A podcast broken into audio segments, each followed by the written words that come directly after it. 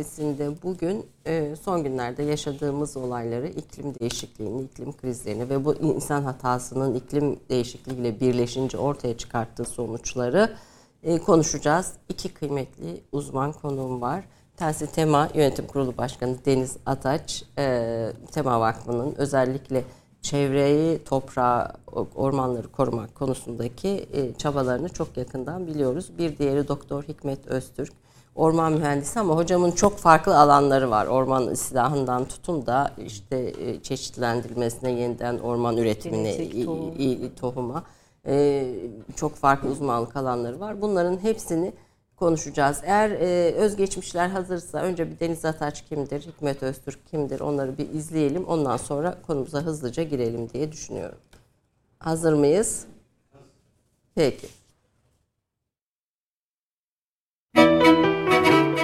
Deniz Ataç 1980 yılında Boğaziçi Üniversitesi İşletme Bölümünden mezun oldu. Boğaziçi Üniversitesi ve Anadolu Üniversitesi'nde tezsiz yüksek lisans ve doktora çalışmaları yaptı. Uluslararası bankalarda hazine ve pazarlama müdürlüğü yapan Ataç, finans sektöründe son olarak İstanbul Menkul Kıymetler Borsası Başkan Yardımcılığı görevinde bulundu. Türkiye İş Bankası iştiraklerinden Fora Zeytin'in üretim ve pazarlama şirketleri olan Ant Gıda AŞ ve Zepa Pazarlama AŞ'nin 9 yıl genel müdürlüğünü yaptı. Aynı dönemde 4 yıl süreyle Ege Zeytin ve Zeytinyağı İhracatçı Birliği Yönetim Kurulu Başkanlığında bulundu ve bu görevde bulunan ilk kadın yönetici oldu. Deniz Ataç 2002 yılında Dünya Gazetesi tarafından en başarılı profesyonel kadın yönetici seçildi. 2008-2009 tarihleri arasında kısa bir dönem Tema Vakfı Genel Müdürlüğü yapan Ataç, Mart 2009'dan sonra gönüllü faaliyet olarak Yönetim Kurulu Başkan Yardımcısı iken 2011'de mütevelli heyeti üyesi seçildi. 2013 yılı başından itibaren Tema Vakfı Yönetim Kurulu Başkanlığı görevini yürütmektedir.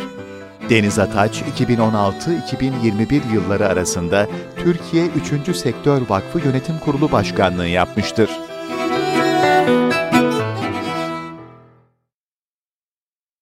Hikmet Öztürk 1983 yılında İstanbul Üniversitesi Orman Fakültesinden mezun oldu.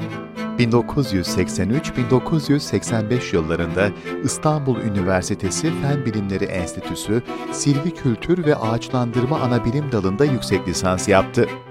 1986-1992 yılları arasında Orman Genel Müdürlüğü Orman İdaresi ve Planlaması Daire Başkanlığında orman amenajmanı mühendisi olarak görev yaptı. 1992 yılında Orman Ağaçları ve Tohumları Islah Araştırma Müdürlüğü'ne atandı. Bu süre içinde 1993 yılında iki ay süresince Finlandiya Ormancılık Araştırma Enstitüsü ile Ağaç Islahı Vakfı Koordinatörlüğünde Finlandiya'da orman ağaçları ıslahı uygulamaları, döl denemelerinin tesisi ve planlaması, 1996 yılında İngiltere Cranfield Üniversitesi'nde ormancılık araştırmalarının planlanması, 1998 yılında Kanada Alberta Üniversitesi'nde popülasyon genetiği ve gen koruma konularında eğitim programlarına katıldı. 2003 yılında Akdeniz Üniversitesi Fen Bilimleri Enstitüsü Biyoloji Bilimleri dalında doktorasını tamamladı. 2010 yılında Tema Vakfı'nda göreve başladı. Hala Tema Vakfı'nda genel müdür yardımcısı olarak görev yapmaktadır. Hoş geldiniz diyorum tekrar. Böyle iki farklı alan. Hocam ben sizi çevreci zannediyordum. Hep çok uzun süredir tanırım ve izlerim. Evet. Ee, ama sonradan olma çevreci. Sonradan olma çevreci. çevreci. Ee, iş dünyasından finansın merkezinden yani bayağı bildiğiniz bir finans uzmanısınız. Evet, evet. Ve oradan çevreye geçişinizi biraz daha aslında dinlemek isterim sizden. Ya aslına bakarsanız yani liseyi bitirdiğimde ben ne yapmak istediğimi çok iyi biliyordum ama bazen kader ağlarını örüyor yani sizin dışınızda gelişmeler oluyor ya. Ben hep böyle insanla ilgili bir şey yapmak istemişim. Yani ya doktor olayım ya öğretmen olayım. Hani akademisyen bile değil yani öğretmen olayım şeyle. Fakat sonra e, o dönem işte işletmenin yeni e, gündeme geldiği evet. yıllar hocam hatta kurs hocam o sırada tabii anarşi var çok. E, işte en sağlıklı 4 yılda okul bitirebileceğin okul diye Boğaziçi Üniversitesi işletmeyi e, yazdırdı. Böyle şeyle tıplarla öğretmenlik arasına ve yani kader öyleymiş ve o geldi. Çok da severek okudum yani. Ben işletmenin çok güzel bir disiplin olduğuna da inanıyorum. Yani sizi pek çok e, değişik konuya başka bir bakışla yaklaştırıyor. Evet. Sonra aslında akademisyen olarak devam edeyim diye düşündüm ama orada YÖK'ün e, şeyine kadrine uğradık biz o yıllarda. YÖK kuruldu. Ve bütün hocalarımız demeyeyim de benim esas çalışmak istediğim hocam ayrıldı, emekli oldu. İşte biraz daha devam ettim. Hem tez, iki tezim kaldı. Hem doktora hem master da Boğaziçi'nde dönüp tekrar yaptım sonra dersler ama ikisinde tezi yazılmadı yani. Ondan yani yanlış anlaşılmasın böyle yapmadığım şeyleri hiç yaptığım gibi göstermeyi sevmem. Ee, sonra baktım üniversitede istediğim gibi gitmeyecek. Onun üzerine özel sektörü. O zaman da işte kadınsınız, çalışkansınız, ataksınız falan böyle büyükler dedi ki finans sektörü bu yapıya daha uygun. Ee, ondan sonra o dönemde tam böyle işte Özal'dan sonra yabancı Yeni, bankaların geldiği, evet e, ben şey Citibank'te başladım. Ee, orada çok kısa bir süre çalışıp sonra değişik bankalarda çalıştım. Ama fon yönetimi çok yeni bir konuydu. Yani kimse bilmiyordu. Bu İstanbul Borsa e, o sonra, o yardımcılığı sonra. bile yapmışsınız. Yaptım en son en son işim o ama ben Hı. esas fon yöneticisiyim. Yani şey bir, bayağı böyle o bütün piyasaların kuruluşu o sırada biz böyle şey ekran başı e, iş yapan e, işte o kişilerde görülür ya. Evet, evet filmlerde, haberlerde. Biz o ilk jenerasyonduk aslında Türkiye'de onu yapan. E, ya ben onların hepsini çok severek de yaptım yani şey yapmadım ama böyle biraz sorumlulukla yaptım size dediğimi söylediğim gibi. hep böyle aklım başka işlerdeydi. Sonra neyse Allah'tan mesela pazarlama çok ilgimi çekmişti. O zaman şöyle söyleyeyim size. 84'te biz hocamla sivil toplum kuruluşlarının pazarlanmasını konuşuyorduk. E, ve kader döndürdü sivil toplum Tekrar kuruluşuna buraya, getirdi. Buraya yolunuzu buluştu. Evet evet yani Citibank'e girerken mesela konuşurken çok ilgilerini çekmişti o zaman hani bu konu ne falan diye. O kadar şey bir konuydu çok yeni bir konuydu. İlhan Cemalcılar bu arada hocamı da anmış evet. olayım profesör doktor. Çok erken kaybettik. Ee, sonra işte finans gitti gitti. Sonra bir yerden sonra ben finans hep aynı şeyleri yapmaktan hoşlanmıyorum. Yani monotonlaştı mı iş beni şey yapıyor, sıkıyor. O dönem sonra işte başka işler de yaptım. En son böyle bir 9 yıl çok alakasız bir iş. Borsa o arada. E, zeytinle uğraştım ki o hayatımın en zor ama en keyifli işiydi. Yani çevre konusunda uyumlanma evet. süreciniz. Yani or- evet oradan yavaş yani şey geçiş çünkü bankacılıktan böyle hani 8. kattan 15. kattan tabii tarıma inmek çok kolay toprağa değil. Inmek. Toprağa inmek çok kolay değil. Çünkü başka bir dünya, başka ama benim yapım çok uygunmuş ona yani hiç çok zorlanmadım. E, ama bir taraftan yani o finansı paranın nasıl e, her şeyin önüne geçtiğini e, para yönetiminin görüyorsunuz tabii, onun tabii, içinden tabii. geliyorsun ama bir taraftan da küresel iklim sorunları bir, bir ikisi arasında bir, yani ne kadar zor gerçekleşeceğini küresel iklimi düzeltmek mümkün değilse bile en azından hani biraz daha rayına sokmanın düşünüyor musunuz? Valla şöyle söyleyeyim, kapitalizm isterse e, yapar. Yani ben kapitalizmin yani e, sevmiyorum bu arada onu söyleyeyim. E, ve çok zarar verdiğini düşünüyorum her şeye ama isterse bu işi moda yapar yine yapar. Yani o kararın birdenbire iklim değişikliği mesela başladı sosyal medyada işte bir giydiğinizi bir daha giymeyin. Biz zaten öyleydi yani bir alırdık. Ben hala mesela bir şey alırım 15 sene 20 sene kullanırım. Yani iyi bir şey alırım çünkü. Şimdi tekrar o moda olmaya başladı. Yani isterlerse yaparlar Ayşe. Yani kapitalizmin çok insan psikolojisinde kitleleri yönetmeyi değişik yöntemlerle çok iyi biliyorlar. Paranın içinden gelen bir çevreci olarak evet Tema Vakfı e, Yönetim Kurulu Başkanı olarak bunu söylemeniz bizim için umut verici. Yani isterlerse inşallah isterler. İsterlerse yaparlar. Yaparlar. Peki. Hikmet Hocam sizin e, konularınız da yaşadığımız bir orman yangını ve galiba bu, bu e, yüzyılın en büyük hani Türkiye açısından orman Türkiye, yangını diyebilir miyiz hocam? Evet. Yıllık orman yanan orman alanı açısından baktığımızda e, rekor kurulan bir e, yıl oldu. Geçmişte de büyük yangınlarımız var. E, Dursun Dursun Bey'de yanmış büyük alanlar var. Marmaris bölgesinde e, yana, e, oluşan yangınlar var. Hatta bizde fakültede öğrenciyken bunlar sınav sorusuydu. Hocalarımız sorardı yaşanan en büyük yangınları. E, Marmaris, Manavgat'ta yaşanan yangın o büyüklükleri aştı. E, toplamda sadece e, Manavgat'ta değil, Marmaris'te, Bodrum'da, Adana'da, Osmaniye'de, e, Ayd, e, e, diğer yerlerde çıkan yangınları topladığımızda... Muğla, hatta sonra Muğla, Kahramanmaraş evet, evet, kaybettik. Evet. Maalesef sonra. Yani çok üzüldük, kaybettik ya bir yangın uçağı. Şok evet. yani artık böyle ekranın başında sürekli şok evet. oluyorsunuz yani. Bu, bu, anlamda tarihi bir e, orman yangınlarının en büyük e, yaşandığı bir e, felaket. Yani yılı. yüzyılın yangını diyebilir miyiz? Türkiye diyebiliriz, açısından? diyebiliriz. Rahatlıkla diyebiliriz. Ya ama A- Amerika ve Avustralya ve diğer şeylerle kıyasladığımızda Tabii değil. ki ölçek farklı. Ölçek farklı. Yani e, Avustralya'da e, biliyorsunuz 2-3 yıl önce büyük bir e, yangın olmuştu. Milyonlarca hektar alan yandı. Keza Kuzey Amerika'da da e, bu tür şekilde büyük yangınlar oluyor. Ölçek olarak şeyden çok fazla. Bizim ölçeğimizde yaşadığımız, Türkiye için yaşadığımız en büyük e, o o yangın e, sezonu oldu diyebilirim ki hala da önümüzde uzun bir dönem var. Yani bu bu ay içinde de bekliyor musunuz iklim e, öngörüleri bazında? Tabii ki e, çünkü e, e, biz e, ormancılar yangın sezonunu e, yangın riskinin başladığı dönemden bitiş tarihine göre e, şey yaparız. Geçmişte bu dönem Mayıs aylarındaydı. Eylül sonlarında falan biterdi. E, ama son yıllarda bu dönem ilk yaşanan iklim değişikliği nedeniyle uzadı. E, Nisan'dan e, Ekim'in sonuna kadar e, Hatta e, Karadeniz bölgesi o dönem m, yangınlar açısından da e, riskli bir bölge oluyor. E, Bu risk halen devam ediyor. Yani e, Ekim'in sonuna kadar hem süre uzadı hem de Karadeniz bölgesi aslında nemli ve ıslak bir bölge. Yangın açısından riski e, ora, onun nasıl? Evet, Akdeniz bölgesi kadar yangınların büyüme riski yok. Ee, ama e, o dönemler e, kurutucu rüzgarların estiyor özellikle.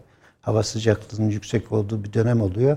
Aynı zamanda da e, üreticilerin kendi bahçelerinde ot temizleme e, ve bu otları yakma e, alışkanlıkları devam ettiği için o kuru dönemde e, yangınlar Karadeniz bölgesinde daha çok çıkıyor. Zaten Karadeniz'in yangın sezonu o dönemdir.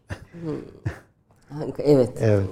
Tam e, e- Eylül Ek- Ekim gibi Evet, evet. Eylül Ekim gibi o bir yangın sezonu var yani. Evet, hani evet. bir rutin yangın sezonu var ama şu anda o rutinin dışına çıkan bir şeyle afetle e, karşı Tabii, karşıyayız. tabii. Yani bunun sebepleri siz e, orman hem bürokraside bulunmuşsunuz Orman Bakanlığı'nda hem işin akademik kısmında hem de çok farklı sahalarda e, ormanların ıslahı konusunda da çalışan bir bilim insanısınız. E, bunun sebepleri neler? Önlenebilir miydi? Yani ne yapsak önleyebilirdik bu yangını? Bir oradan başlayalım. Şimdi buna yangının çıkış koşullarıyla e, e, başlayarak açık koşullarıyla açıklayalım isterseniz. Bir yangının oluşması için önce bir yanıcı organik madde olacak. Havada oksijen olacak. Bir de tutuşmayı sağlayacak bir sıcaklığa ulaşmanız lazım. Tutuşmanın olması lazım. Ormanda organik madde zaten çok miktarda, oksijen de keza öyle. Bu tutuşmayı sağlayacak kaynak e, yangının çıkması için ormanda iki şekilde olur. Bir, yıldırımlar Bir düşer bir ağaca ve yangına neden olur ki biz bunu doğal yangın olarak e, niteleriz. Bir diğeri ise tamamen insan kaynaklıdır. Bu çıktığı anda e, oradaki organik maddenin e, nem içeriğine, arazi yapısına, rüzgar durumuna göre yangının büyüklüğü ve şeyi değişir. Elbette bu sene yaşanan büyük yangınlarda e, iklim değişikliğinin oldukça e, etkili olduğunu söyle, söyleriz, söyleyebiliriz. Çünkü bu dönem e, çok sıcak, çok kurak ve yangınların olduğu dönemde kurutucu e, İç Anadolu'nun kuru havasını getiren Akdeniz bölgesine e, ve ormanların içi, ormanlardaki organik maddenin nem içeriğini oldukça düşüren, tamamen tutuşmaya elverişli hale getiren Poyraz rüzgarlarının çok şiddetli ve kuvvetli ve hatta geçmişe göre daha uzun bir süre e, devam ettiği bir dönem olduğu için e, bu yangınların büyümesine neden oldu. O nedenle e, yangınların başlangıcını e, doğal ormanlar e, yıldırım nedenlerinden birisinin yıldırımlar olduğunu söylemiştik. Türkiye'de yıldırımların şöyle bir özelliği var. Yıldırımla beraber yağmurlar da gelir. Gelir. O nedenle e, Yanar ve söner. yanan alanlar çok büyük olmaz. Nitekim Orman Genel Müdürlüğü'nün istatistiklerine göre doğal ormanlarda yanan alan miktarı çok da yarım hektarın bile altındadır.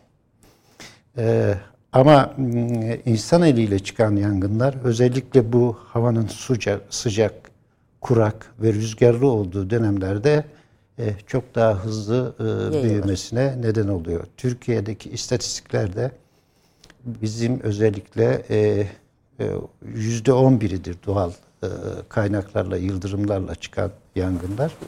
Ama yüzde on bir çıkmasına rağmen yanan orman alanlarımızın yüzde 99'undan fazlası insan kaynaklı nedenlerle yanıyor. Buradan şu sonuca ulaşabiliriz. Ormanları biz yakıyoruz insanlar. Evet, kimseyi suçlamanın şey yok. Peki ne yapalım, nasıl önleyelim ve şimdi yanan ormanların yerine ne yapalım? Onu biraz Deniz Hanım'ın şu iklim ve ısınma meselesi konusundaki yorumlarını aldıktan sonra devam edelim. E, çünkü e, bir haftadır orman mühendislerini de dinliyoruz. Biz de böylece tanımış olduk. Ben bu kadar çok yani kıymetli bilim insanımız olduğunu doğrusu hani çok böyle ilgi alanımda olmadığı Var için herhalde e, farkında değilim. Şu anda medyadaki hocaların yani büyük bir kısmı da bizim bilim kurulu üyemiz. Yani hepsi de birbirinden evet, kıymetli öyle, ve öyle. farklı çalışma sahaları var ve biz de bu sahada da bizim bilim insanlarımız evet. olduğunu böylece idrak ettik diyelim. Hani bilmek değil idrak ettik. Bu iklim değişikliği hocam artık bir senaryo olmaktan çıktı ve bir realite olarak karşımızda yani seller bir tarafta orman yangınları ve aynı anda yaşıyoruz yani bu, bu iki tane şeyi birlikte. Bu iklim değişikliği dediğimiz şey nedir? Birleşmiş Milletler'in işte 2000 son 5 yılda hazırladığı 2020 raporu 1850'den itibaren bir derece dünyanın ısındığını söylüyor. Bu ısınmanın sonuçları nedir ve biz bundan sonra neyle karşı karşıya kalacağız dinlemek isterim sizden. Şimdi aslında e, küresel iklim değişikliğini çok basit anlatmamız gerekirse insan e, da, insan hareketleriyle ortaya çıkan karbondioksit ve metan ağırlıklı e, bir, bir de azot dioksit galiba değil mi? Evet. Üç tane gaz var. E, o üç gazın e, dünyanın çevresinde olmasından daha fazla birikmesi ve bir battaniye gibi düşünün. Öyle tarif Hı, sera gazı, sera gazı etkisi. etkisiyle e, gezegeni sarması ve dolayısıyla da içerideki sıcaklıkların yükselmesi ve e, bizim aslında çok e, ne diyeyim hayati olan bizim için buzulların erimesi bu sıcaklık nedeniyle. Ve başladı 2020'den evet. itibaren artık geri dönüş yok e, diyor. Evet yani şu ana kadar e, bir dereceye gelindi fakat şöyle bir şey var 2000 bir, bir buçukta kesmezsek yani her şeyi yapıp bir buçuk derecede bunu durduramazsak hakikaten çok büyük kayıplarımız olacak ve yaşam çok zorlaşacak. Yani iki dereceye gitmememiz lazım. Bunu bir buçukta kesmenin yollarını bulmamız 2000, lazım. 30, 30, 30 hedef verildi bunun 2040'ta 2040'ta galiba çekildi. çekildi. Çünkü bakın bu sene mesela bizde 10 yıl yani 8 10, yıl evet, 8 evet. yıl var önümüzde. Yani burada tabii bütün herkese e, çok ciddi yani yöneticilere ama sadece bu işleri başkalarını da deli, şey yapmamamız lazım. Yani görevlendirmememiz lazım. Bizim de şahıs olarak yapacak o kadar çok şeyimiz var ki bir kere yani ne olur dinleyen herkes bir internete girip bir karbon ayak izi diye bir kavramımız var. Yani ben bu dünyada yaşarken ne kadar iz bırakıyorum karbondioksit, metan ve dediğim gibi e, diğer gazlar açısından onu bir ölçüp ve o yani ben kendim de ilk yaptığımda çok şaşırdım yani gerçekten çünkü mesela uçağa ne kadar binerseniz onu telafi etme şansınız kalmıyor yani hı hı. uçak inanılmaz bir karbon emisyonu yapıyor. Bir görüp ondan sonra ben hayatımın hangi dönem hangi aşamalarında neyi nasıl farklı yaparsam karbon salınımı azaltabilirim diye herkesin kendi karnesine bir bakması lazım. Yani bu bireysel olarak ama sonuçta bu tüm bu kirlenmeyi total olarak üreten sanayileşme e, Tabii ve ki, o da var ve ama, kalkınma hedefleri. Ama işte Ayşe bu bir yani şöyle söyleyeyim. Siyaset de kişilerden etkileniyor. Yani eğer siz bunun bilincinde olursanız ve bunu talep ederseniz bu sefer yöneticiler de bunu dinlemek ve e, yapmak durumunda kalıyor. Yani bizim aslında birey olarak o kadar büyük gücümüz var ki biz bunu talep etmeliyiz. Yani geçen gün onu söyledim hani bizim şu anda siyasetçilere şey sormamız lazım. Sizin iklim değişikliğiyle ilgili öneriniz nedir? Partinizin önerini hangi Tabii. neyi öneriyorsunuz? Bütün ne yapacak? Partileri. Bütün siyasi partileri. Yani bunu hayatın neresine nasıl sokuyorsunuz ve benim hayatımı nasıl etkilemesini bekliyorsunuz? Mesela bunlar çok kritik sorular. Şimdi düşünün siz belediye başkanları dolaşıyor ya da milletvekilleri dolaşıyor. Bakanlar zaten her dakika yaşıyor. Hı hı. Ya bir dakika sizin nedir? Benim ilçemdeki senin iklim eylem planın nedir? İlimdeki iklim eylem ne yaptın? Kaynağı nereden bulacaksın? Ya bunları gerçekten hepimizin ittirmesi gerekiyor. Olmaz öbür türlü yani bu çok yayı- yayılmaya vaktimiz yok onu söylemeye çalışıyorum. Ee, ve anladığım kadarıyla herhalde ilçe yani il il yapmak Evet, gerekiyor. evet. Yani böyle bir genel iklim Hayır, eylem hayır. planı değil de il il ayrı e- eylem planı yapmak gerekiyor. Hem ormanlar için hem diğer sorunlar için değil mi hocam? Aslında e, bunu üstteki bir çerçeve politikadan hareket ederek gelmesi lazım. Yani hükümetin bunu e, kararlı bir politika olarak e, bir çerçeve yasasıyla düzenleyip daha sonra bu zorunluluklar e, kentlerde, illerde, ilçelerde e, belediyelerin yapması gereken bir yükümlülük olması lazım. E, tabii bu sadece e, yerel yönetimlerin ve e, şeylerin yanına bırakılabilecek de bir unsur değil. değil. Çünkü burada asıl unsur biz milyonlarca yıldır, e, yüz binlerce yıldır toprağın altında bırakmış, birikmiş olan karbonu e, şeye çıkarıyoruz. Yukarıya açıyor. Evet, fosil yakıtlarla gerek petrol gerek kömür yakıtlarıyla ve e, bu birikim atmosfer şeyi sera gazı e, dünyanın ısınmasına neden oluyor. Bu ısınma doğal olarak bütün süreçleri etkiliyor.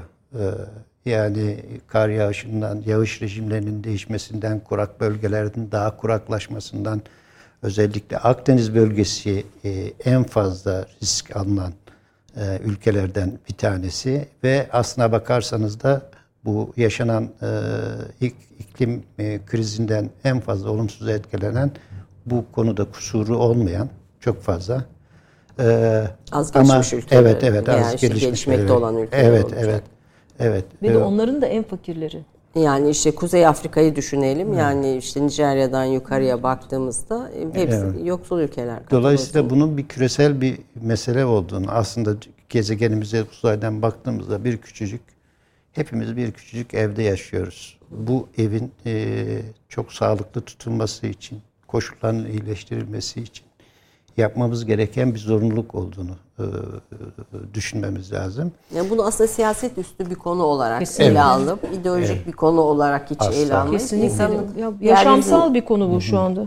yani yeryüzünde yaşaya kalması için yapması elzem olan e, bir politika olarak Evet. görmek lazım. Burada şunu ifade etmek isterim. Aslında bu çok önceden biliniyordu. İlk iklim değişikliği ilgili raporlar 1950'li yıllarda dünyanın ısınmaya başladığı ifade edilmişti. Ama uzun yıllar iklim değişikliği var mı? Yok mu? Yok bundan sonra soğuma dönemine mi gireceğiz? Gibi çok gereksiz tartışmalarla e, Zaman geçti. kaybedildi. Çok zaman kaybedildi. 60'larda galiba e, Kennedy sonrasında Johnson'a böyle bir şey verildiği, bir rapor verildiği Evet. falan söyleniyor. Yani Evet. demek ki o Çok dönem eski bu bir tartışmalar. farkındalık ol- oluşmaya Evet. başlamış. Ama o zaman bunlar e, toplum tarafından da çok bilinir değildi. E, ve bu e, kalkınma politikaları, enerji politikaları doğrultusunda bu devam etti. E, e, küres şu an itibariyle 1.3 e, dereceye ulaşmış durumdayız. Böyle bir 1.3'e ulaştık evet, mı hocam? Evet, evet. Bu derecede bir ısınma doğal olarak süreçleri etkiliyor. Ee, Bütün yağış süreçlerini etkiliyor. Buzulların erimesi. Mesela bizim çocukluğumuzda e, çok daha fazla kar yağardı. Tabii kar çok Ee, azaldı. Bugün onu görmüyoruz. E, Hep buzullara bakıyoruz ama e, dağlara bakalım. Dağlar aslında dağların yüksek kesimlerindeki buzullar su üretimi, derelerin akması, su temini açısından çok önemli su kaynakları. Buzullar yukarıya doğru e, çekilmeye başladı. E, Eteklerde buz görmüyoruz Evet, artık. evet, evet. Dolayısıyla bunun sonuçları bize aslında e, ekonomik kayıplar, Ekolojik hastalıklar, ekolojik yıkımlar, biyolojik çeşitliliğin kaybı çok sayıda şey e, Ekonomik sonuçta kayıp, çok ekonomik ciddi ekonomik kayıplar. Yani hem e, sadece Grönland veya işte Değil, Kuzey değil. Kutbu, Değil. Güney Kutbu erimesi olarak konuya bakmayıp yani her ülkenin kendi e, Tabii, tabii, bu, tabii. bu dağları da bu sürecin bir Aslında parçası. hepsi Hani ısınıyor yani okyanuslar ısınıyor, toprak ısınıyor anlatabiliyor muyum? Yani her yer ısınıyor aslında şu anda öyle düşünün. Her yer ısındı şu anda ne kadar satıhı varsa Evet. şeyde yeryüzünde hepsi ısındı. Şu anda ısınmaya devam Bu ediyor. çerçevede sellerin e, sebebi de bu bu Evet. ısınma değişikliği mi Evet. Bilim, bilim insanları söylüyorlardı zaten. İklim değişikliği aslında e, hava hallerinden çok farklı bir olay. Dönemsel olarak ifade edilir. Yani geçmişte de seller yaşandığı dönemler olmuştur. Kuraklık yaşanmıştır. Mesela Osmanlı döneminin 1870'li yıllarda yaşanan çok şiddetli bir kuraklık dönemi vardır. Burada kıtlık dönemleri olarak bilinir. Keza aynı dönemlerde Çin'de yaşanan kuraklıklar vardır. Bu tür e, dünyadaki bir dalgalanma kurak dönemler, yağışlı dönemler e, olur. Bunlar iklim değişikliğinin göstergeleri değildir. İklim değişikliğinin göstergeleri belli dönemler içerisinde aşırı e, hava hallerinin oluş biçimlerinin artışıdır. Bu şiddetli yağışların artışı, artmasıdır, kuraklıkların artmasıdır, fırtınaların daha sık oluşmasıdır. Mesela Türkiye'de şimdiye kadar e, kasırga oluşmazken artık e, bir kasırga oluşumları da görüyoruz. Bütün bunlar aslında e, yaşanan iklim değişikliğinin göstergeleri olarak ortaya çıkıyor. Ve Türkiye için artık geri yani her dünya için geri dönülmez bir yerdeyiz. Bütün dünya için. Çünkü 1.3 e, çok e, ısınmış durumda ve bu enerji kullanımıyla hedef 1.5 diyelim ki hedefe ulaştık 1.5 yapmamız gereken bu 1.5'ü eski haline getirebilmek. Mümkün mü Reklamdan sonra konuşalım efendim kısa bir aradan sonra. Çok iç açıcı değil ama sonuçta dünyada yaşaya kalmak için de elzem bir konuyu konuşmaya devam ediyoruz. Yönetim Kurulu Başkanı Deniz Ataş ve Tema Vakfı Genel Müdür Yardımcısı Hikmet Öztürk Bey'i konuk ediyoruz. Orman mühendisi. Bir taraftan ormanlar ama bir taraftan da genel küresel iklim değişikliği üzerinde konuşuyoruz ve yapmamız gerekenler neler? 2030 bu konuda bir e, eşik e, belki önümüzdeki 8 yılda birey olarak hepimize büyük roller düşüyor. Devlete de düşüyor, kurumlara da düşüyor, sivil topluma da düşüyor. E, bütün bu konuları açmak istiyoruz. Deniz Hanım, bir bu konunun bir sosyal politika meselesi olduğunu da söylüyorsunuz. Sizin daha önce yaptığınız konuşmalarda aslında iklim değişikliği aynı zamanda bir sosyal politika meselesidir. Ve bir taraftan bir afet yönetim meselesidir. Çünkü artık hayatımıza bu afet yönetiminin e, girmesi gerekiyor. Diğer taraftan kalkınma politikalarından dünyanın e, vazgeçmesi veya onu değiştirmesidir.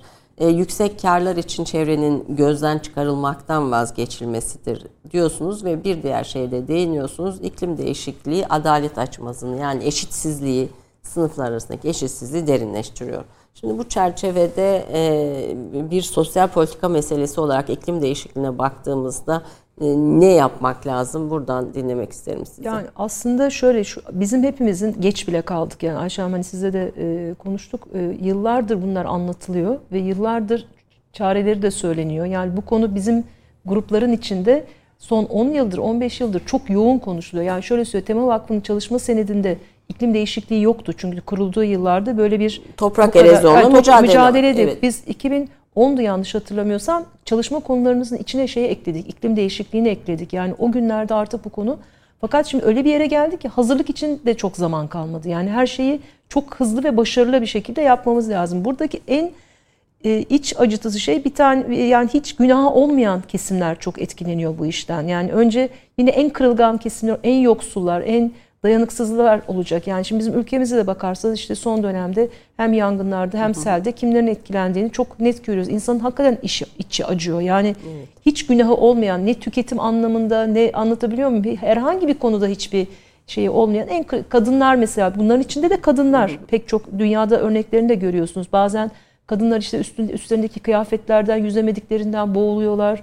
İşte kocası gelmeden evden çıkmadığı için kalıyor. Yani böyle bir sürü çok gerçekten kötü örnekler var. E, burada bütün hepsine çok acil bir şekilde toplu olarak bakılması lazım. Yani şimdi siz bu işleri sadece özel sektöre bırakamazsınız. Yani özel sektörün amacı kar etmek. Yani onlar onu öyle görürler ve onun için varlar ama burada birilerinin çizgileri çekmesi ve düdüğü çalması gerekiyor. Yani şu şu dönem artık kar dönemi değil. Tabii ki yaşaması için para kazanması lazım ama yani şöyle söyleyeyim şunu siz aldığınız zaman bunu üretirken çevreye verdiğiniz zararın bedelini bu fincana ödediğiniz paranın içinde ödemiyorsunuz. Evet. Onlar hepimizin aslında ayrıca yüklendiğimiz, yaşamımızla yüklendiğimiz bedeller. Onun için artık olaya biz ekolojik okur yazarlık diyoruz. Yani bu ekolojik okur yazarlık kavramının hem bütün devlet yönetiminde hem hepimizde yani bütün insanlarda hayat perspektifi evet hayat perspektifi, hayata bakış şekli yani şu var tamam insanoğlu ben diyorum ki yani kibrini kurbanı olacak. Yani o kadar üstten baka baka yok olacağız. Anlatabiliyor muyum? Ama değil yani doğayla siz başa çıkamazsınız. İşte gördük yani Evet. suyun gücünü. Kaçıncı defa gördük üstelik ilk defa görmedik. E şimdi mühendislik hesaplarıyla biz bunları alt ederiz. Mesela bana denmişlik vardır. Şimdi arkadaşımı keşke bulsam hani ne oldu acaba mühendislik hesapları?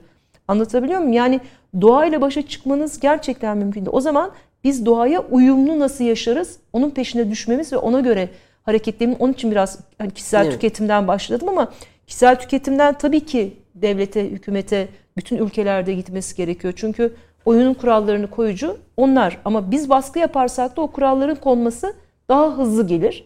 Sonra onlar da bize dua ederler. Çünkü onlar da bu gezegenin üzerinde yaşıyor ve onların çocukları da torunları da burada yaşayacak. Şimdi bambaşka bir dünyaya giriyoruz. Yani başka bir dünya geldi aslında. Giriyoruz demeyeyim geldi.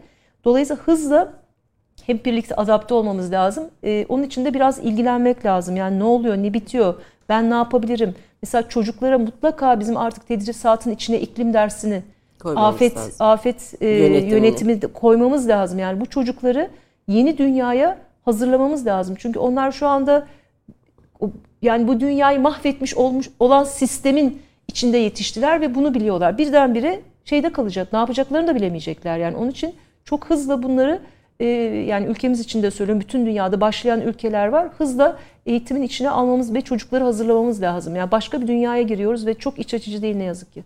Ne girdiğimiz dünya. E, tabii e, bu emisyon üreten fosil yakıtlar Tabii. meselesini araçların hani Avrupa bu konuda bir düzenleme yapıyor kendi ülkesinde e, bir takım emisyona ilişkin ama sonuçta dünyanın geri kalanına kendi eski e, araçlarını satıyor. Yani işte Mısır, e, işte Afrika ülkeleri, Nijerya, Avrupa'nın artık kendi ülkesinde yasakladığı çevreye zarar verdiği için araçlar dünyanın öbür tarafında. Yani e, artık e, şey e, o, ortak bir atmosferi korumak mevzu bahis olunca sadece bir ülkede steril bir temizlik Yok, müm- hiçbir e, faydası yok. hiçbir faydası olmuyor herhalde Olmuyor. değil mi? Yani Tabii, bu, bu konuda yani gelişmemiş ülkelerle çok gelişmiş ülkeler nasıl bir e, işbirliği yapabilir? Ya bu konuda o- çalışmalar var mı E, dünyada? tabii burada bir takım fonlar oluşturuldu mesela bunların yapılması için ama çok düşük kaldı bu fonlar. Yani bundan 5-6 sene önce bu hareketler başladı ama şimdi mesela daha hızlanıyor. Çünkü demin Hikmet Bey'in de söylediği gibi uzun süre dünya bu doğru, yanlış, yok o var, yok. Yani biz yıllar geçti böyle tartışarak anlatabiliyor muyum? Yani işte biliyorsunuz Amerika çekildi, sonra tekrar geldi falan falan. Yani şimdi burada büyük bizim kolaydan başlayıp hızla kapatacağımız karbon emisyonlarını çizip çizip kapatmamız lazım. Bunlar da e, sizin de demin söylediğiniz gibi tabii ki karbon şey karbon e, salınımı çok yüksek olan fosil yakıtlar. Yani burada hem kömür hem söyleyeyim petrol hem doğalgaz bunların hepsi fosil yakıt. Yani doğalgaz diyeceksin ne yapacağız ama evinizde acaba e, şöyle söyleyeyim yeteri kadar e, doğalgaz tasarrufu yapıyor musunuz? Mesela anlatabiliyor muyum? Yani hepimizin yapabileceği devletlerin dışında da çok şey var. Gereksiz ışık yakıyor musunuz? Yani ben Zonguldak çatal ağzını gördükten sonra inanın bir tane fazla ampule tahammülüm yok yani. Çünkü o enerjinin hangi bedelle benim evime geldiğini gördükten sonra yakamıyorum ampulü.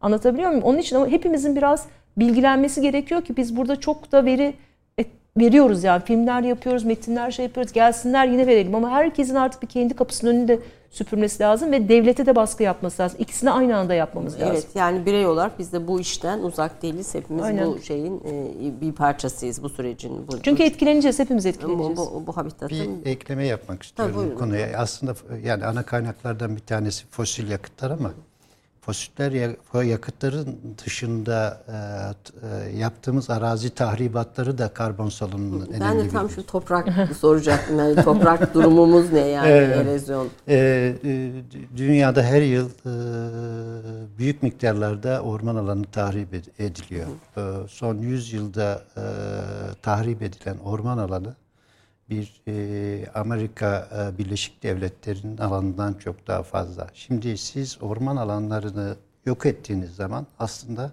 karbon yutaklarını da yok ediyorsunuz. Yani çünkü e, e, havadaki karbondioksiti bitkiler vasıtasıyla alırsınız ve o oksijen olarak size geri döner. Şimdi e, Denizler de bir yutak. Tabii. denizlerde bir yutak, evet oradaki biyolo- e, yutak. mevcut e,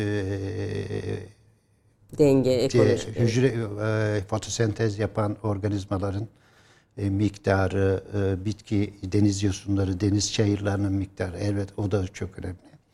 E, şimdi e, Amazon ormanları genelde bunun için örnek gösterilir. E, son zamanlarda çok da fazla tahribat ediliyor, yakılıyor. Yapılan geçen e, yayınlanan bir araştırma var. Artık Amazon ormanlarının e, depoladığı karbon yangın nedeniyle çok daha aşağı seviyelere düştü. Orman yangınları nedeniyle daha fazla e, karbonsalar hale geldi. Bu birikimi ısırıyor. Aynı zamanda yanlış toprak işleme, tarımsal alanlardaki yanlış toprak işleme nedeniyle toprak organik maddesinin de Nitelik e, kaybı. e, yanması da bunda önemli etken. Bu yaklaşık dünyadaki e, kar, e, şimdiye kadar karbon e, salımının yüzde 24'ünü oluşturuyor. Yani küçümsenmeyecek bir miktar. O nedenle arazi tahribatı topraklarda organik madde içeriğini artıracak uygulamaların ve ormanlaştırma çalışmaları bu işin olması olmazları. Gerek. Peki ormanlaştırma şimdi bizim ciddi bir alanımız yandı ve ciğerimiz yandı tabii hepimiz çok üzüldük. Ee, son e, yıllarda özellikle son 20 yılda da Türkiye ciddi bir orman e, arazide kazandı. Yani ormanlaştırmanın e, y- arttığı bir Evet. ülkeyiz. Yani daha çok alan orman haline getirildi. Ee, halk arasında da bilinen pek çok yanlış var. Bir her şeyden önce bir orman arazisi, yanan bir orman arazisinin üstüne biz otel konduruyor muyuz? Bu e, şey e, anayasal olarak mümkün değil. E, Çünkü anayasanın 169. maddesi yanan orman alanlarına yerine yenisi yetiştirilir der. Ve bunun için bir örnek gösterilir. Güvercinlikte yapılan e, şeyler, o oteller. Hmm, Aslında oradaki yokuluşun ana nedeni e, yangından öte e, o 6831 sayılı Orman Kanunu'nun 17. maddesi kapsamında turizm, yol, altyapı ve benzeri çok sayıda kullanım alanına e, verilen izinler. Turizm alanı ilan edildi. ormanların turizm alanına ilan edilmesi de bir sıkıntı yoktu. Ee, Özellikle turizm teşvik kanunu kapsamında. Burası turizm merkezi ilan edilmişti. Turizm merkezi ilan edildikten sonra e, orman yangını çıktı. Yani turizm şey yangın olmasa da oraya bu oteller Yapılacak. e, kurulacaktı. E, yangın oldu. E, ne yapabilirdi? Burası yeniden ağaçlandırılabilirdi. Ama ağaçlandırılsa bile turizm merkezi olduğu için zaten otel yapmak üzere kesilecekti. Bunun dışında e, Türkiye'de e, başka bir örneği yok. Bu anayasal olarak şey olarak mümkün değil. Çünkü anayasanın bu konuda çok koruyucu ted- şey var. Tedbir, te- te- tedbirleri Evet, var. evet. Ee, orman e, camiası mühendisleri, çalışanları deyince kaç bin kişiden söz ediyoruz? Yani ciddi bir Ee, yani Orman Genel Müdürlüğü'ne ne kadar personeli var bilmiyorum ama e, herhalde e, benim çalıştığım dönemlerde şey yapmıyorum. Orman mühendisi e, olarak herhalde yaklaşık 3-4 bin civarında. 3-4 bin. Bunların sayılarının daha da artması e, Tabii ki çünkü gerekiyor. önümüzdeki dönem e, doğayı şekillendireceğimiz dönem. Hem iklim değişikliğiyle mücadele açısından ormanlarımızın kuvvetlendirilmesi hem de ormanlarımızın e, daha sağlayacağımız diğer e, ekosistem hizmetlerinin daha fazla artırılması, Koruma. ormandaki biyolojik çeşitliliğin daha fazla korunması için e, çok daha fazla titiz çalışma yapılacak bir dönem olacak. Şimdi ormanlar yandı tabii yerine ne ekeceğiz ve nasıl burayı tekrar telafi edeceğiz bu sahaları? Bu sahaları yeniden neden nasıl ormana döndüreceğiz? Ee, işte hangi ağaç, kızıl e, çam ağacı ekilsin, ekilmesin, servi ekilsin, ekilmesin. Hani bu tartışmalar da çok zeytin ağacı falan. Devam ederken siz bu konularda uzman birisi olarak hem de ağaçların ıslahı, e, genleri falan konusunda da uzman birisi olarak e, o yanan alanlara ilişkin ne yapılması gerekiyor bundan sonra neler yapılacak ve nasıl bir e, süreç takip edilecek ve bu bizim iklim değişikliğiyle mücadelede bizim için ne kadar önem taşıyacak? Şimdi yanan orman alanları, e, yangın aslında bir şey, e, ormanın geçici süre e, e, ağaçlardan uzak kalması işlemi. Buraların yeniden ormanlaştırılması, e, e, orman haline gelmesi iki şekilde olabilir. Çok uzun dönemde kendi haline bırakırsınız ormanı. Bu tezlerden birisi Evet, de bu. evet. E, Ya da siz müdahale edersiniz, orayı şey yaparsınız. Ormancılıkta ve doğa bilimlerinde kural şudur, doğayı takip edeceksiniz. Çünkü doğa milyonlarca yıldır çok sayıda yok oluştan, sıcaklıklardan, kuraklıklardan Geçmiş. geçmiş ve e, o son halini e, vermiştir. Biz o zaman e, yangın öncesinde bu ormanların doğal yapısı neydi? E, o yapıyı kavuşturmamız lazım. O nedenle orman yangınlarındaki sonra yapılacak faaliyet bir doğa restorasyonu işidir. Eh, Yani çok da onun işine karışmamak mı gerekir? Evet, Ee, evet. Yani biraz Şimdi genelde e, son zamanlarda işte e, Akdeniz bölgesinde yaygın olarak kızılçam ağaç türü olduğu için e, ağacın da reçine içeriği yüksek e, olması ve yanıcı e, o, o- özelliği fazla diye buna karşı yangına dayanıklı e, ağaç türleri dikelim gibi bir e, söylem var. Bu doğaya aykırı bir işlem. Çünkü doğa bize zaten Kızılçam ormanlarını ki 23 milyon yıldır bilim insanlarının söylediğine göre 23 milyon yıldır Kızılçam bu doğada.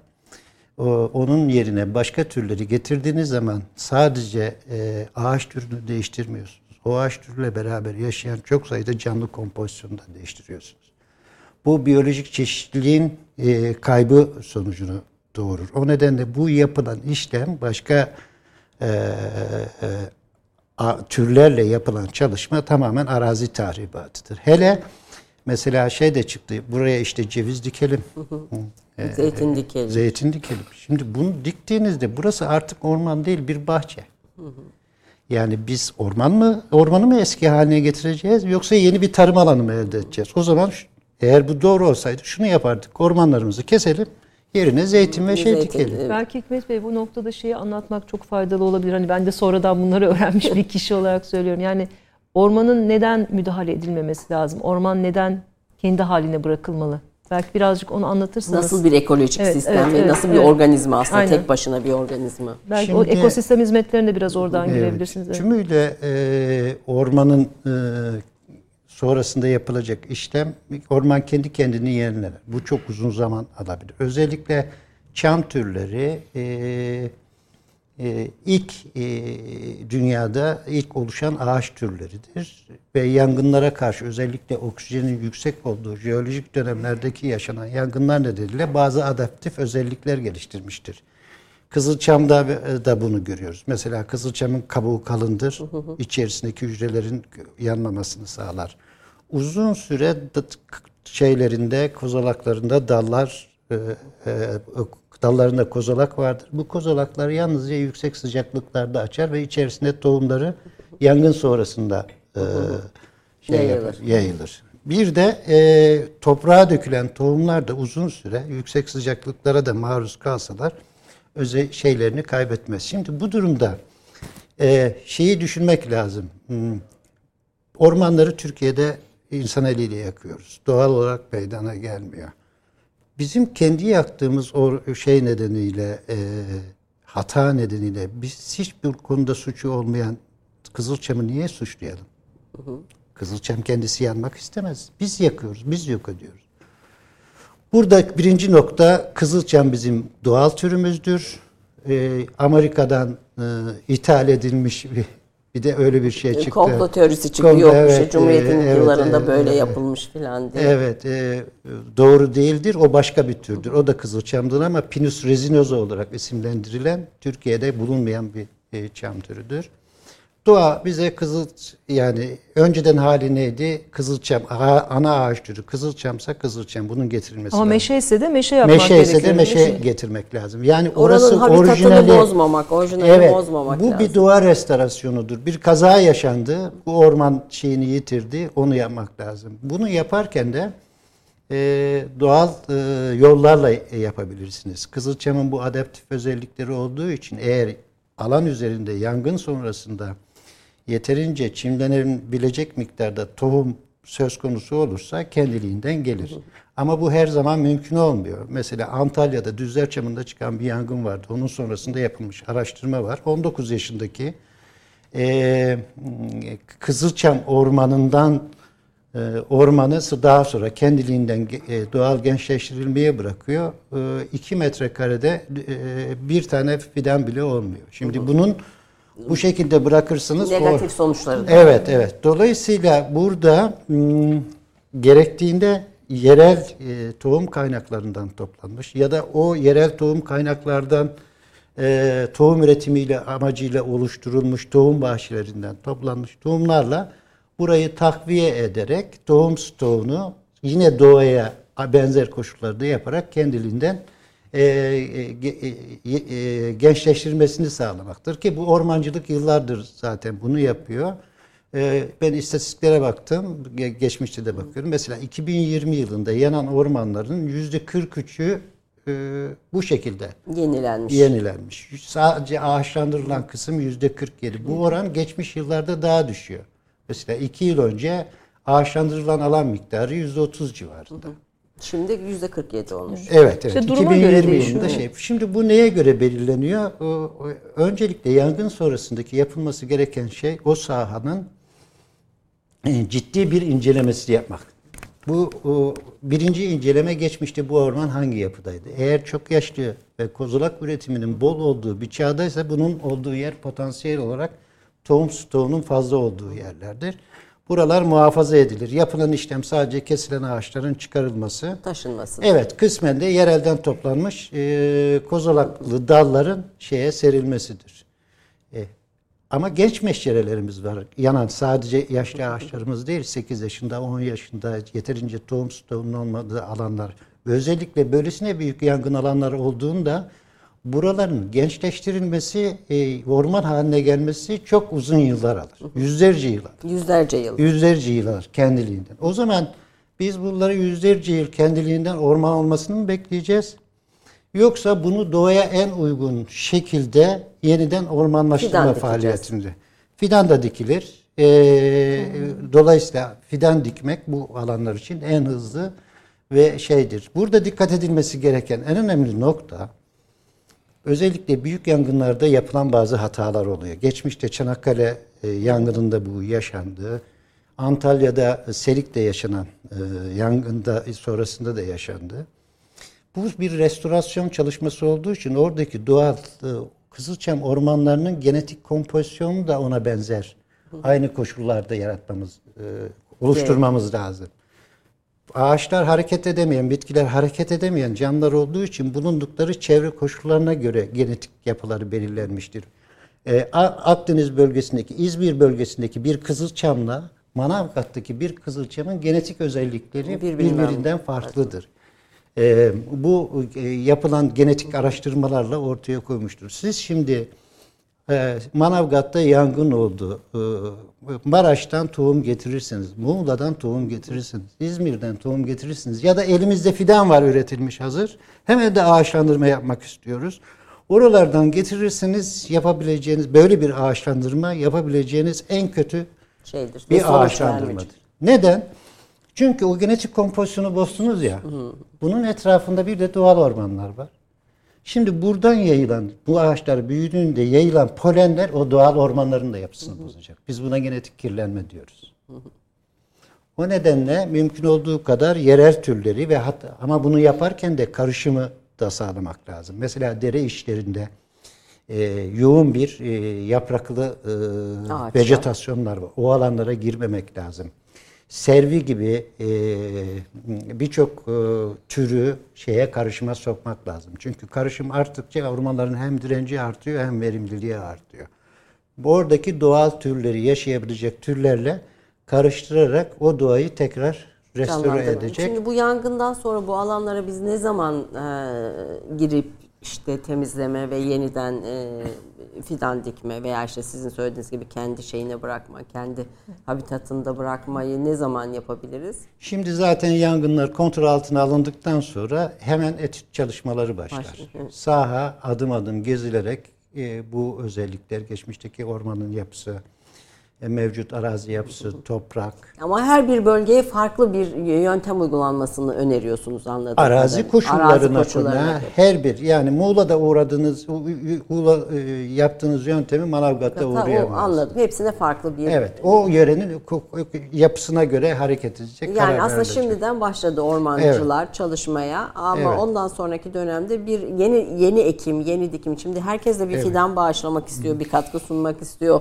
Hani gideni yerine getirmek istiyor. Onun için biraz e, da Evet. detaylandırıyorum. Şimdi e, burada yapılacak ilk iş bu etüt çalışmalarıyla beraber şeyler başlar. Mevcut ölen ağaçların kesilmesi. Ve bunlar uzaklaştırılır. Eğer şey olursa e, doğal kendi haline bırakılırsa e, o ormanlarda çimlenmeler sonbaharda başlar. E, baharda e, çimlenen tohumları, şeyleri, fidanları kısmen e, görmeye ba- başlarız. Başlarız. Ama dikim çalışmaları için söz konusu olduğunda ise iki durum söz konusudur. Birincisi elinizde yeterince bu sahayı ağaçlandırılabilecek miktarda tohum ve fidanınız var mı uygun orijinlerde? Bu yoksa bu sene çıkan yangının tohumunu ancak Kızılçam'ın tohumları Nisan-Mayıs aylarında olgunlaştığı için gelecek senenin e, Nisan-Mayıs'ında kozalakları toplamaya başlarsınız.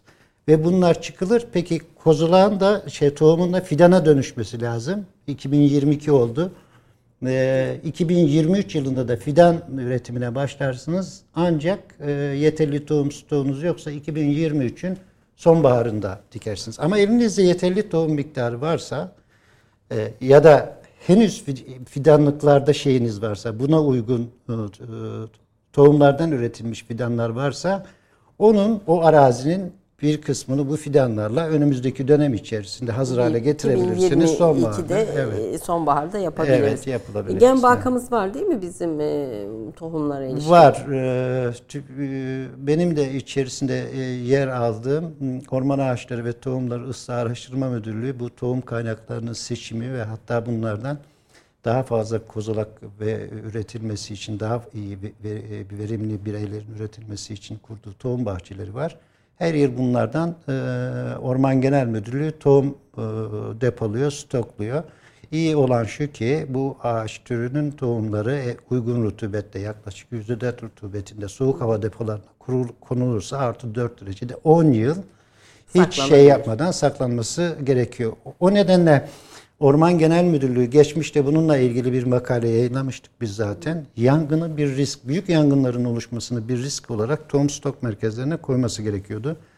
Ellerinde şimdi olması lazım ama nerededir, ne kadardır, uygun mudur onunla ilgili Yeni bir çalışma yok, evet e, gerekiyor. Efendim bir reklam arasından sonra bundan sonra temanın çalışmalarına e, dönerek e, küresel iklim krizinin ülkemizde ortaya çıkarttığı sonuçları, etkileri konuşmaya devam ediyoruz.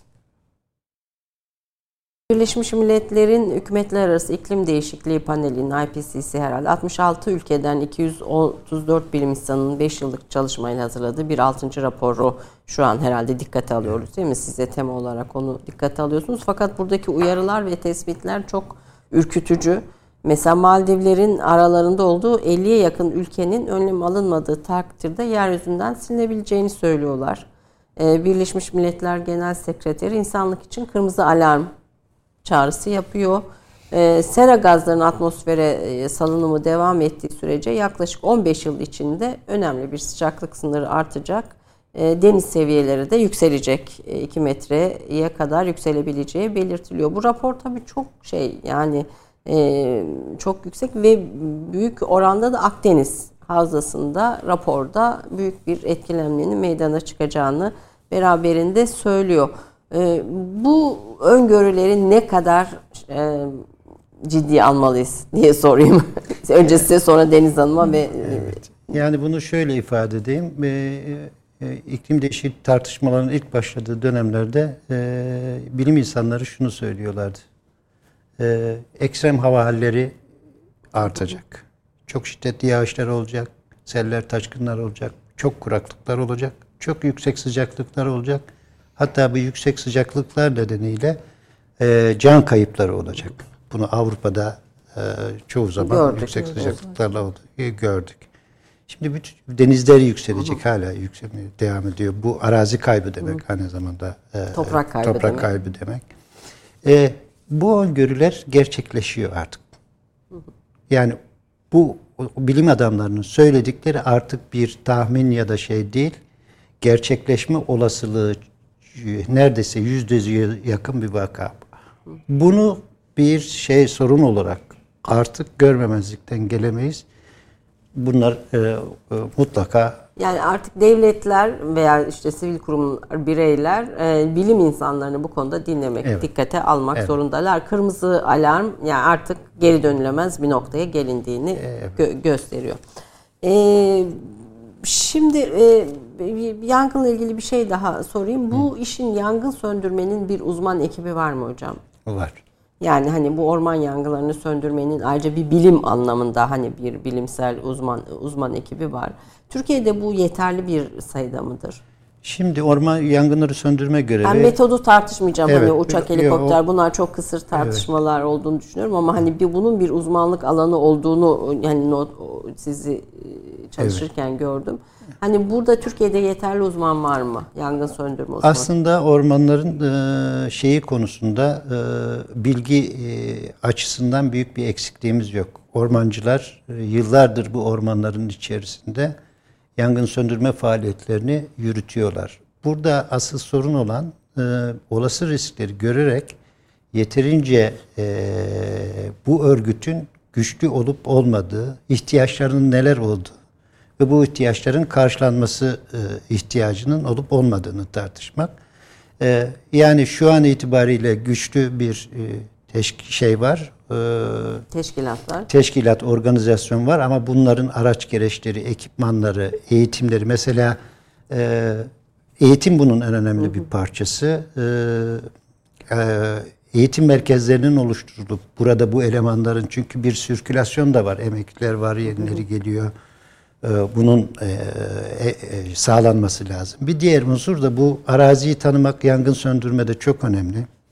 Yani Orman Genel Müdürlüğü'nde bir rotasyon uygulaması var. 5 yılı gelen ya da 10 yılı gelen başka bölgelere aktarılıyor. Bu durumda bu aktarmalar esnasında yangınla hiç karşılaşmamış e, elemanlar bölgelere e, devam ede, e, Bundan vazgeçmek. Bundan vazgeçmek yerelde insanlar özellikle bu yangın konusunda çalışmış araziyi bilen çünkü nereden gideceksiniz, nereye ulaşacaksınız, nasıl müdahale edecek kısmını o bölgeyi e, çok yakından bilen insanların orada olması lazım.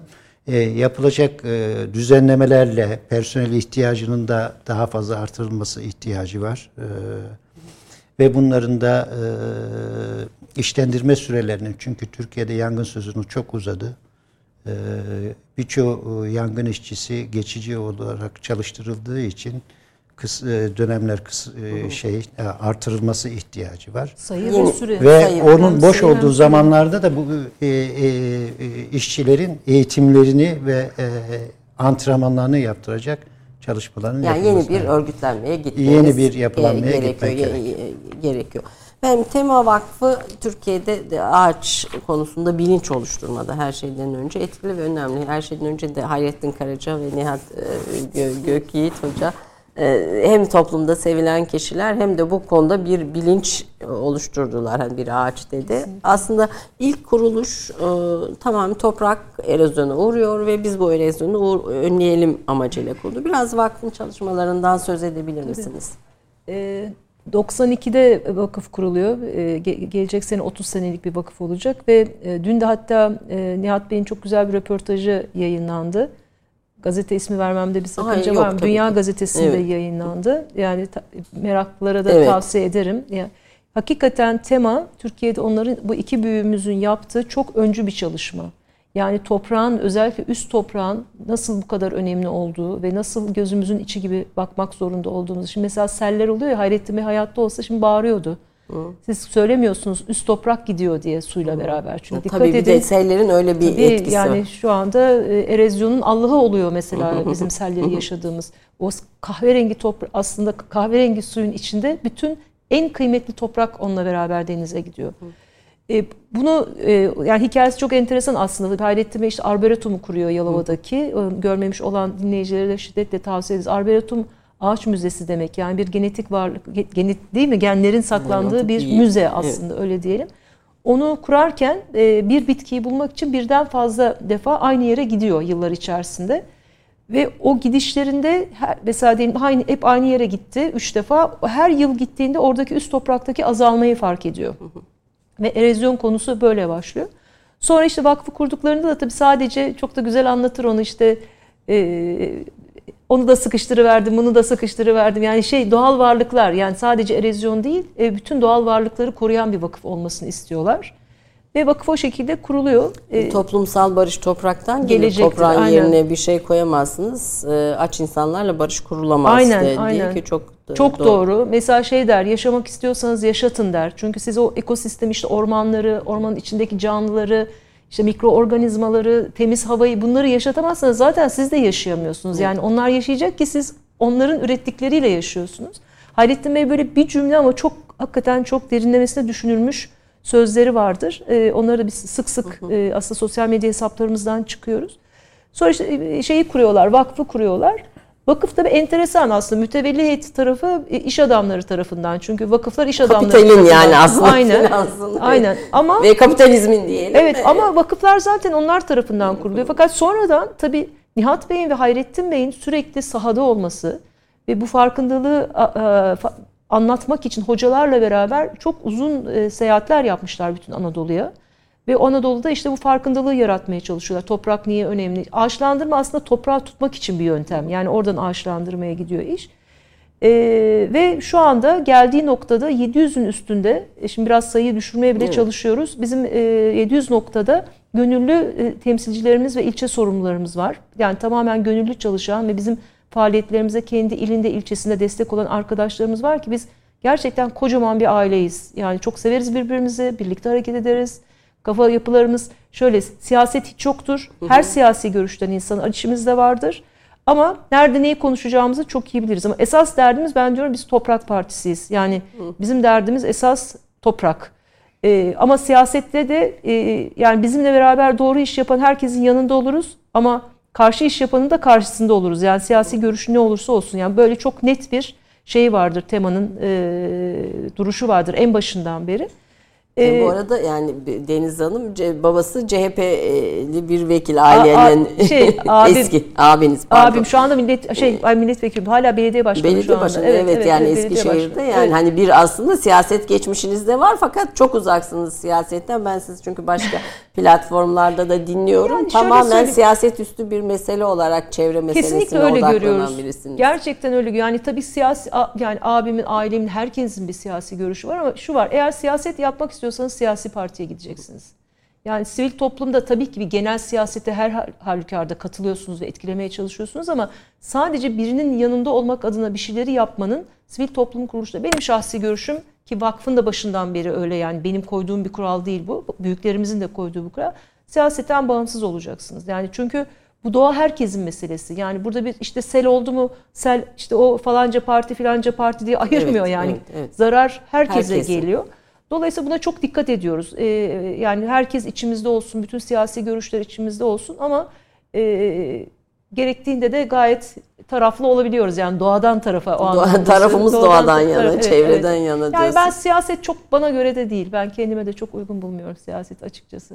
Yani zaten tutumunuz evet, ve baktığınız evet. yerde e, bu, bunun çerçevesinde.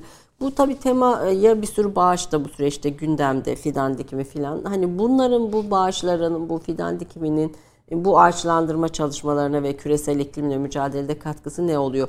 E, bir de gördüğüm kadarıyla sizin bir erozyonla mücadele meseleniz var. Bir orman ve fidan dikimi var ve diğer sorunlara ilişkin çeşitli sahalarda uzman bir kadronuz evet, var. Evet, evet.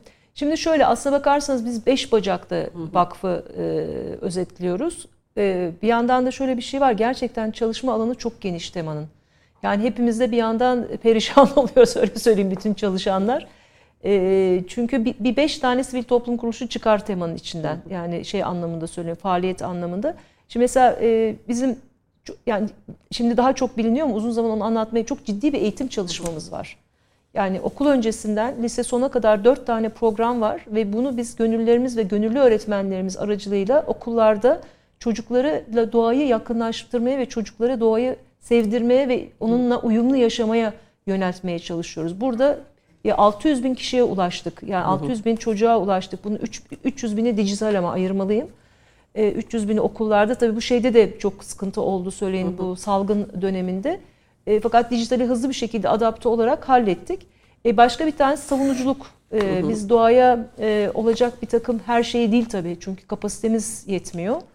E, yetişemiyoruz yani her şeye ama be, belli kendimize göre belli kriterlerle seçtiğimiz konularda savunuculuk hareketleri yapıyoruz. Bunun içinde dava açmak da var. E, işte sahada çalışmak da var. E, görüş oluşturmak da var. Ankara'da lobi yapmak da var. Yani bunların hepsini duruma göre Çünkü yapıyoruz. Zaman zaman e, mecliste de sunumlar yapıyorsunuz. Yapıyoruz. Evet, evet. Yani şey e, ya hiç çünkü bizim derdimiz olayı çözmek. Yani önemli olan doğanın o hasarı almaması lazım. Onun için doğru yöntem neyse e, onun kullanılmasının çok önemli olduğunu düşünüyoruz açıkçası. Çünkü yani siyasetçiler de bilmeden çok hata yapıyorlar. Çünkü bir siyasetçinin de her şeyi bilmesi mümkün değil. Bazı şeyleri anlattığımızda her partiden insanın ağzı açık kalıyor. Yani gerçekten böyle mi diye. Yani şimdi girmeyeceğiz ama çok hani bir kelime de olsa geçirmek istiyorum. Madenlerle ilgili Evet. iki senedir çok ciddi çalışmalar yapıyoruz ve milletvekillerini de sürekli bilgilendiriyoruz. Bakın böyle böyle böyle. Ha şimdi onu yapan siyasetçi kötü niyetle mi yap? Hayır ama o kendi hedeflerine doğru yapıyor ama onun dengelenmesi için başka bir sürü görüşün de masanın üstüne konması lazım. Aslında bu tamamen bir e, dünyanın sorunu kalkınma ve ilerleme mi olacak yoksa gezegeni mi koruyacağız? Dengede ikisini- gitmemiz lazım. Evet. Yani hiç, hiç biz hani hiçbir şey olmasın da değiliz yani öyle de demiyoruz öyle de anlaşılmasın ama attığımız taş ürküttüğümüz kurbağaya değiyor mu? Yani bu yaptığımız hasar e, bir düzeltilebiliyor mu? İkincisi e, ne alıyoruz ne veriyoruz? Yani çünkü dediğim gibi size hani demin fincan şeyinde evet. olduğu gibi öyle olaylar var ki bir daha onu sizin telafi etmeniz belki binlerce yıl sürecek. Yani o o kadar basit değil şeyin e, restorasyonu ki şu anda inşallah fırsatımız olur. Ben şey diyorum bu çağ yani ben derken tabii bütün okuduklarımda restorasyon ve koruma çağı. Evet. İnsan çağı bir Evet, taraftan da evet, insan evet. çağı diye Anlat, tanımlıyorlar. bunu. anlatabiliyor muyum? Yani onun için burada e, bizim başka bir şey mesela e, gönüllülük biz gönüllülük kavramını çok anlatmaya çalışırız. Şu anda bizim 930 bine yakın gönüllümüz var Türkiye'de. Bu çok ciddi bir rakam ve sürekli de gönüllü sayısını arttırmaya çalışıyoruz. Çünkü bizim amacımız kamuoyu kamuoyu yaratarak doğayı korumak. Başka bir derdimiz yok yani buradaki tek, tek şeyimiz. Onun için de bizim arkamızda ne kadar bizim gibi düşünen ve destekleyen vatandaşımız olursa bizim gücümüz e, yöneticiler karşısında o kadar etkili olur diye düşünüyoruz. Kömürle çok uzun yıllar çalıştık. Çünkü kömürün biliyoruz yani insan sağlığına etkisi, işte bu iklim değişikliğine etkisi. e, tamam Türkiye'nin şeyini de biliyoruz ama en temiz enerji biliyorsunuz tasarruf edilen ve kullanılmayan enerji. Yani önce biz bütün tasarruf edebileceğimiz, kullanmayacağımız noktaları hakikaten sıfıra getirmek lazım. Yani hem enerji verimliliği mesela başladık çalışmaya çok hızlanması lazım. Yenilenebilir enerjide iyi gidiyoruz. Onun daha da artması lazım. Bu arada bir şey söylemeden geçemeyeceğim. Hani program kapansın istemiyorum. Bu otelle ilgili. Yani e, iklim değişikliğiyle beraber hatta olmasa da biz bunu öneriyoruz ama Türkiye'nin bu gözle bütün mevzuatına bakması gerekiyor. Yeniden. Arazi Evet. kullanımı. Arazi, Arazi kullanımı. kullanımı. konusunda. Aslında bütün şey inşaat izinleri bunun Hepsinin, içine, hepsinin. turizm sektör hepsi. Yani şöyle yangın olması gerekmiyor. Şu anda mevzuatımızda öyle esneklikler var ki yangın olmasa da o orman alanı başka amaçla kullanılabiliyor. Anlatabiliyor muyum? Onun için bizim hızla oralara bakıp e, önemli olan yani yaşamsal olan alanlara hiçbir şekilde dokunmamamız lazım. Çünkü onlar bizim gerçekten hayat desteğimiz. Yangından daha fazla hatta bu şekilde orman Mevzuat, e, mevzuat değişikliği derken bakanlıklarla ilgili de mesela belki bir küresel iklim e, bakanlığı gibi yani daha merkezi bir yönetimin de önemine inanır mısınız? Tabii ki iklim değişikliğine ilgili bir kanun çalışması var şu anda. Çevre Şehircilik Bakanlığı'nda yürüyen. Orada çevreyle ilgili yapının da değişmesi lazım. Yani Çevre Bakanlığı'nın artık bu dönemde ayrılması ve oraya gerekli ekiplerin yani şu mesela çok basit bir şey söyleyeyim. Ben her girdiğim ortamda söylüyorum. Tamam o sanayi yaptık, bu sanayi tamam yaptık. Hani biz bir kısmının karşısında olsak da yapıldı. Ama o zaman çok sıkı denetlememiz lazım. İşte madenler bir sürü maden açılıyor ama bunların çevresel etkilerinin operasyona geçtikten sonra da çok ciddi denetlenmesi gerekiyor. Denetlemeyi ve kontrolü Aynen öyle. O gerekiyor. zaman da o kadroların hem sayı hem de teknik bilgi olarak çok güçlü olması lazım. Aksi halde çok ciddi hasarlar alabiliriz. Yani şöyle düşünün mesela bu Bozkurt'ta olan selin e, yakınında bir e, altın madeninde olduğunu ve o selin oradaki e, olayı da alıp gittiğini düşünün. Ya bunlar dünyada oldu. Bakın iki sene önce Brezilya'da oldu. Yani bunlar o kadar uzak Ekstrem ihtimaller değil. değil. Artık her şeyi biz bunu söylediğimiz zaman biraz insanlara şey gibi ama bunlar da yani her şeyi hani abart değil yani o kadar çok Balkanlarda oldu. Yani bunun o kadar çok örneği var ki onun için çok dik biz ülkemizi çok seviyoruz ve dikkat edilsin istiyoruz. Yani çok özeti bu.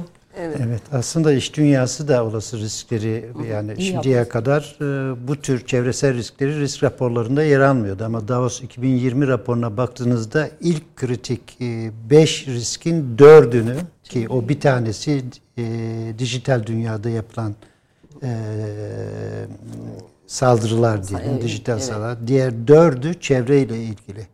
E, iklim değişikliğine bağlı ekstrem e, yağışların olması e, ve biyolojik çeşitlilik kaybı. Kaybı.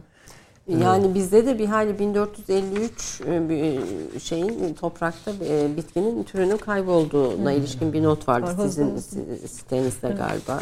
Nesli tehlike, nesli, Nesli te- tehlike nesli te- tehlike altında. Ee, ve bu e, küçümsenmeyecek bu oran bütün dünya için böyle. Biyolojik çeşitlilik hızla kayboluyor. Biyolojik çeşitliliğin kaybolması demek aslında doğadaki yaşayan doğal sistemin bor arızalanması demektir. Yani diyelim ki bir bilgisayarınız var.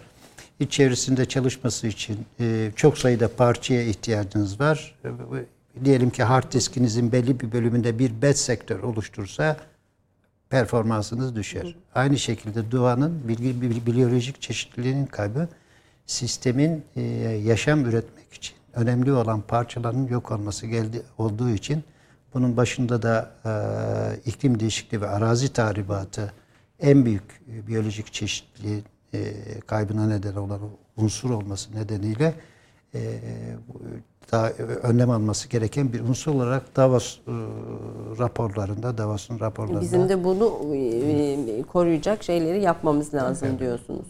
E, yaşamın çeşitliliğine saygı duyarak yaşamak zorundayız diyor Hikmet Hocam zaten. Yani bu çeşitliliği e, illaki Aslında o bir sigorta biliyor musunuz? Belki o perspektiften Hikmet Bey anlatmak şey olabilir. Yani biyoçeşitlilik niye önemli? Ee, yani niye önemli aslında evet orada bir hani ormanda sadece ağaç yok olmuyor bir sürü canlı da yok oluyor onun Evet. habitatıyla birlikte mümkün endemik olanı mümkün olduğu kadar çok yaşamak yaşatmak konusunda çaba göstermek gerektiğini söylüyorsunuz hocam hani sü- süremiz de azaldı bir de suyu da ilave eder misiniz buna yani e, sunun biteceği de öngörülüyor raporlarda 2040 sonunda dünyanın büyük bölümünde su Meksiko City mesela suyu kaybedecek. E, şehirler arasında sayılıyor. İstanbul'da sayılıyor. Bir de tabii diğer taraftan su tüketimi de 7 kat arttı. Hani e, ben burada arzu ederim su üzerine de daha geniş konuşuruz el- elbette ama bu konuda da bir sizin fikrinizi de almak isterim. Evet, Aslında dünyada toplam miktar olarak su miktarı azalmıyor. Sadece dağılımı ve yayılışı e, miktarları değişiyor. Ee, özellikle kentlerin büyük olduğu alanlarda su, e, yaralanabilir su kaynakları da yeterli olmazsa ve küresel ısınma nedeniyle aşırı su kullanım ve e, aşırı buharlaşma nedeniyle su kaynaklarından olan kayıplar nedeniyle su e, krizi önümüzdeki dönem özellikle Akdeniz bölgesinde ve kurak bölgelerdeki yer alan e, ülkeler için en önemli sorun. Yani tasarruf edeceğiz. Ev tasarruf edeceğiz. Çok da iyi kullanacağız. Geri dönüşüm yapılacak. En büyük e, suyun kullanım yapıldığı alanlar tarım, fa- faaliyetleri. Şu an yüzde e, 77 civarındaki kullanılabilir suyun yüzde 77'si tarımsal faaliyetlerde kullanılıyor.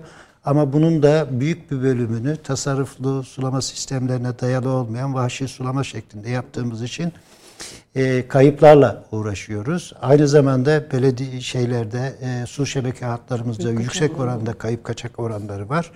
Bir de vatandaş olarak üzerimize düşen suyun yaşamsal önemine dikkat alarak çok tasarruflu kullanmamız gereken Yani 2040 da çok uzun bir Evet, süre değil şunu yani. şöyle e, ifade etmek istiyorum. Bizim ülkemiz, bizim coğrafyamızda iklim değişikliği nedeniyle yağışların yüzde 20-40 azalacağı tahmin ediliyor. Ortalamasını alalım. Yüzde 30, yüzde 30 yağışımızın azalması demek e, bu oranda e, yağışın azalmadığı İstanbul'da büyük bir sıkıntıyla biliyorsunuz geçen Kar- yıllarda karşılaşıldı. evet. Bunun artık sürekli ve e, daim edeceği demektir ki bu üzerinden e, gelinmeyecek çok sayıda problemin ortaya çıkması. Yani sağlar. aslında bu bütün bunlardan gördüğümüz şey ormanlar, su, toprak kullanımı, erozyon, tarım arazileri, şehirleşme filan hepsi bir Birbirinin- birbirini bir parçası. Parçası. Yani belki sanayileşme hedefleri filan bütün bunların hepsinin yeniden bir masaya yatırılıp Bir de orada tabii çok önemli bir şey suyun havza bazında yapılması lazım. Biz şu anda mesela İstanbul'da kullandığımız suyu başka havzalardan alıyoruz. Başkasının suyunu çalıyoruz. Aslında o, o habitatın suyunu çalıyoruz şu anda. Yani onları da yani her havzanın kendi içinde dengesini koruması korumak gerek- lazım gerekiyor. o ekosistemi. Evet. Aynen. Bu sene mesela bu, bu yaşanan kuraklık nedeniyle flamingo yavruları öldü, Öldü. Tuz Gölü'nde.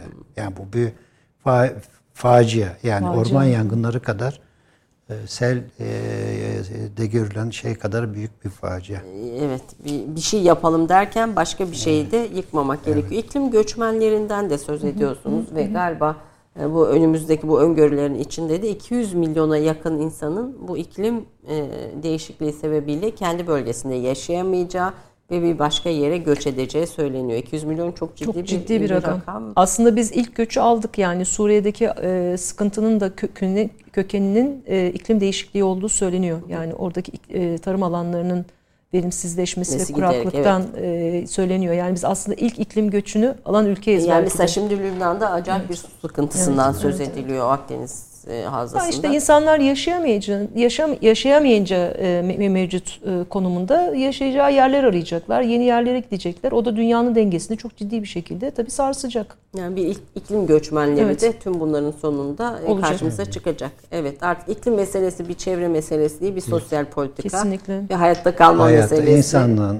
hayatta kalan bu, bu zaten e, doğanın meselesi değil bana göre. Doğa her zaman birçok yok oluş yaşamıştır. O yok oluşlardan yeni e, hayatlar çıkarmıştır. Mesele bizim burada ne ölçüde yer alacağımız ve ne ölçüde kayıp ve hasarlar vereceğimiz. Bu aslında bizim kendi türümüzü Kendi de, sorunumuz. kendi sorunumuz. Kendi türümüzü de tehdit etmiyor mu? kendi türümüzü tehdit Tehdit ediyor. ediyor. Yani Diğer biz, bizi, canlılar bizi yok yanından- edip devam eder hayatına. Evet, hayat devam. ve, Evet. ve bütün bunların sorumluları da biz olmamız, insanlığın o- insanların olması, doğal olmaması bizi tehdit ediyor. Yani bu Türkiye'nin bütün ağaçları ve çalıları temanın Türkiye İş Bankası kültür yayınlarından çıkan kitap böyle çok kalın görüldüğü gibi hani ele alması da bir hayli zor. Şöyle bir gösterebilirsek.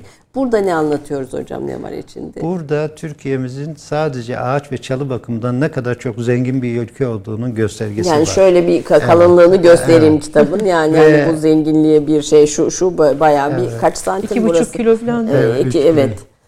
Bu, bu burada e, doğa meraklılarına bu türleri nasıl ayırt edebilirsiniz? Doğada gördüğünüz bir tür hangi türdür? E, onları nasıl teşhis edebilirsiniz? Teşhis yolları anlatılıyor e, ve e, resimlerle de onları e, kolay teşhis edebilecek e, bilgilerle bir araya getirilerek rehberlik eden bir kitap. Evet Türkiye'nin ağaçları ve Ben çalı. hemen bir cümle gireceğim yine. Buyurun. Bizim çok güzel bir e, telefon aplikasyonumuz var Doğa Kaşifi diye.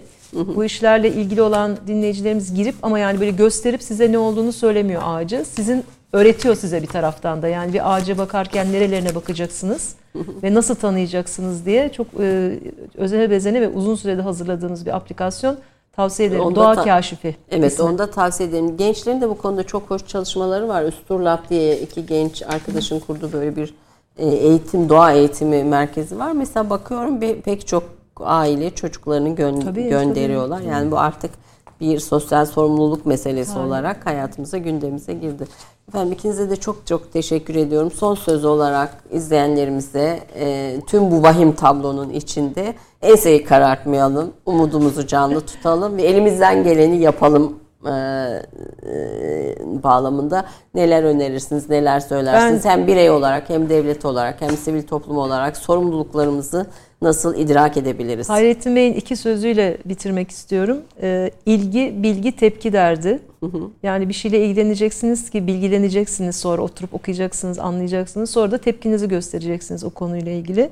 Bir tanesi o. ikincisi de bir çok önemlidir derdi. Bir kişi gerçekten çok önemlidir. Bu şehirlerde, ilçelerde, mahallelerde bu konuda liderlik edecek bir kişi bütün oradaki havayı ve hareketleri hızlandırabilir, katkı koyabilir. Onun için hala yapacağımız çok şey var. harekete geçelim. Ama bilgi derken herhalde medya bilgilenmesini kastetmeyle sosyal Hayır, medya hayır. bilgilenmesi. Kesinlikle yani şöyle söyleyeyim bana WhatsApp'tan gelen inanın bunu söylüyorum sürekli 10 mesajın 9'u yanlış çıkıyor. Evet. Mutlaka kontrol etmeden hiçbir şey yaymıyorum ve yanlış çıkıyor. Bu konuda çok fazla şehir efsanesi, hürafesi, öğre- Yok kitaplardan tabii güvenilir hocaların kitaplarından. ama bu şehir efsanelerine de itibar etmeyin. Kesinlikle. Komplo teorisyenlerine de Evet, itibar evet. etmeyin diyoruz. Hocam sizin de son sözünüzü almak Ben isterim. hiç- Özellikle ormanları korumak alanında Ee, da. hiç kimse ümitsiz olmasın. Ee, e, dünyanın bugün karşılaştığı bütün sorunların nedenlerini biliyoruz, çare yollarını da biliyoruz. Önemli olan bunun hayata aktarılması. Nitekim Birleşmiş Milletler önümüzdeki e, ön yılı, 10 yılı bir restorasyon yılı ilan etti. Hem iklim değişikliğiyle mü- mücadele hem de e, biyolojik çeşitliliğin korunması açısından yapılacak. Yeter ki irade bunu istesin. E, bu o, yapılabilir ve el- o erişilebilir hedefler. E, karar mekanizmalarının bu yönde adım atmalarını aslında bunun için kritik bir Kritik eşik olarak Eşik olarak görüyorsunuz. görüyoruz. Siz bireysel hayatınızda nelere dikkat edersiniz hocam böyle? E, şimdi e, Hayrettin Bey'in söylediği gibi e, doğaya hepimizin bir yükü var. E, içtiğimiz sudan üzerimizdeki kıyafete tükettiğimiz gıdaya kadar bunu minimuma, ihtiyacımdan çok daha fazlasını e, kullanmamaya özel dikkat ediyorum. E, tüketim anlamında e, ihtiyacım olmayan hiçbir şeyi almamaya çalışıyorum. E, elektrik tasarrufundan enerji tasarrufuna kadar, bütün su tasarrufuna kadar e, her tedbirlere özellikle e, dikkat ediyorum. E, bunları e, hayatımızın bir parçası olarak görüyorum. Bununla da yetinmiyorum. Tabii ki Tema Vakfı'nda olmanın verdiği büyük mutlulukla e, bildiğimiz bilgileri çünkü bilgi e, yayıldıkça e, çoğalır. Çoğalır, evet. O konuda da elimizden gelen hizmetleri yerine Evet getirmeye bu çerçevede de çalışıyoruz. bugün kabul ettim geldiniz. İkinize de çok teşekkür teşekkür, ediyorum. Ayşe. Sizin var mı Hikmet Bey'in ilave şunu Yok, yapıyor? Ben şey söyleyeyim bilgi deyince bizim YouTube hesabımızda aslında kısa kısa bir sürü film var. Hocaların anlattığı konular var. Yani ilgi duyanlar bu konuda bilgilenmek isteyenler oraya bakabilirler. YouTube'da. Yani evet e, bu e, şehir efsanelerine Evet, evet. değil gerçek bilgi veren yerlerden faydalanmak gere- gerekiyor. Bizim Ve 90'a yakın yayınımız var. Bu zaman içerisinde çıkmış. Onları bulabilirler. Yani özellikle ikinci elde falan o kadar komik fiyatlara satılıyor ki bunlar e, şey yapabilirler yani. Çıkabilir. İsteyen bulur Ayşe Evet. WhatsApp gruplarındaki yalan yanlış bilgilere itibar etmeyin. Gerçek bilgi kaynaklarına bakın diyelim efendim. Çok çok teşekkür Biz ediyorum. teşekkür Bu konuları daha uzun konuşacağız İnşallah, galiba. inşallah. Madenler var, su var, başka konularda var daha detaylı ama bugün böyle bir e, açılım, giriş evet bir giriş yapmış olduk. Tekrar çok teşekkür, çok teşekkür ediyorum. ediyoruz. Efendim. Türk kahvesinde iki değerli insanı e, konuk ettik. Türkiye'de küresel iklimin ortaya çıkarttığı sorunlarla mücadele etmek için bizim bilim insanlarına ve bu konuda hayatını adamış insanları dinlemeye daha çok ihtiyacımız olduğunu düşünüyorum. E, çok çok onlara da teşekkür ediyorum. Haftaya görüşmek üzere. Hoşçakalın.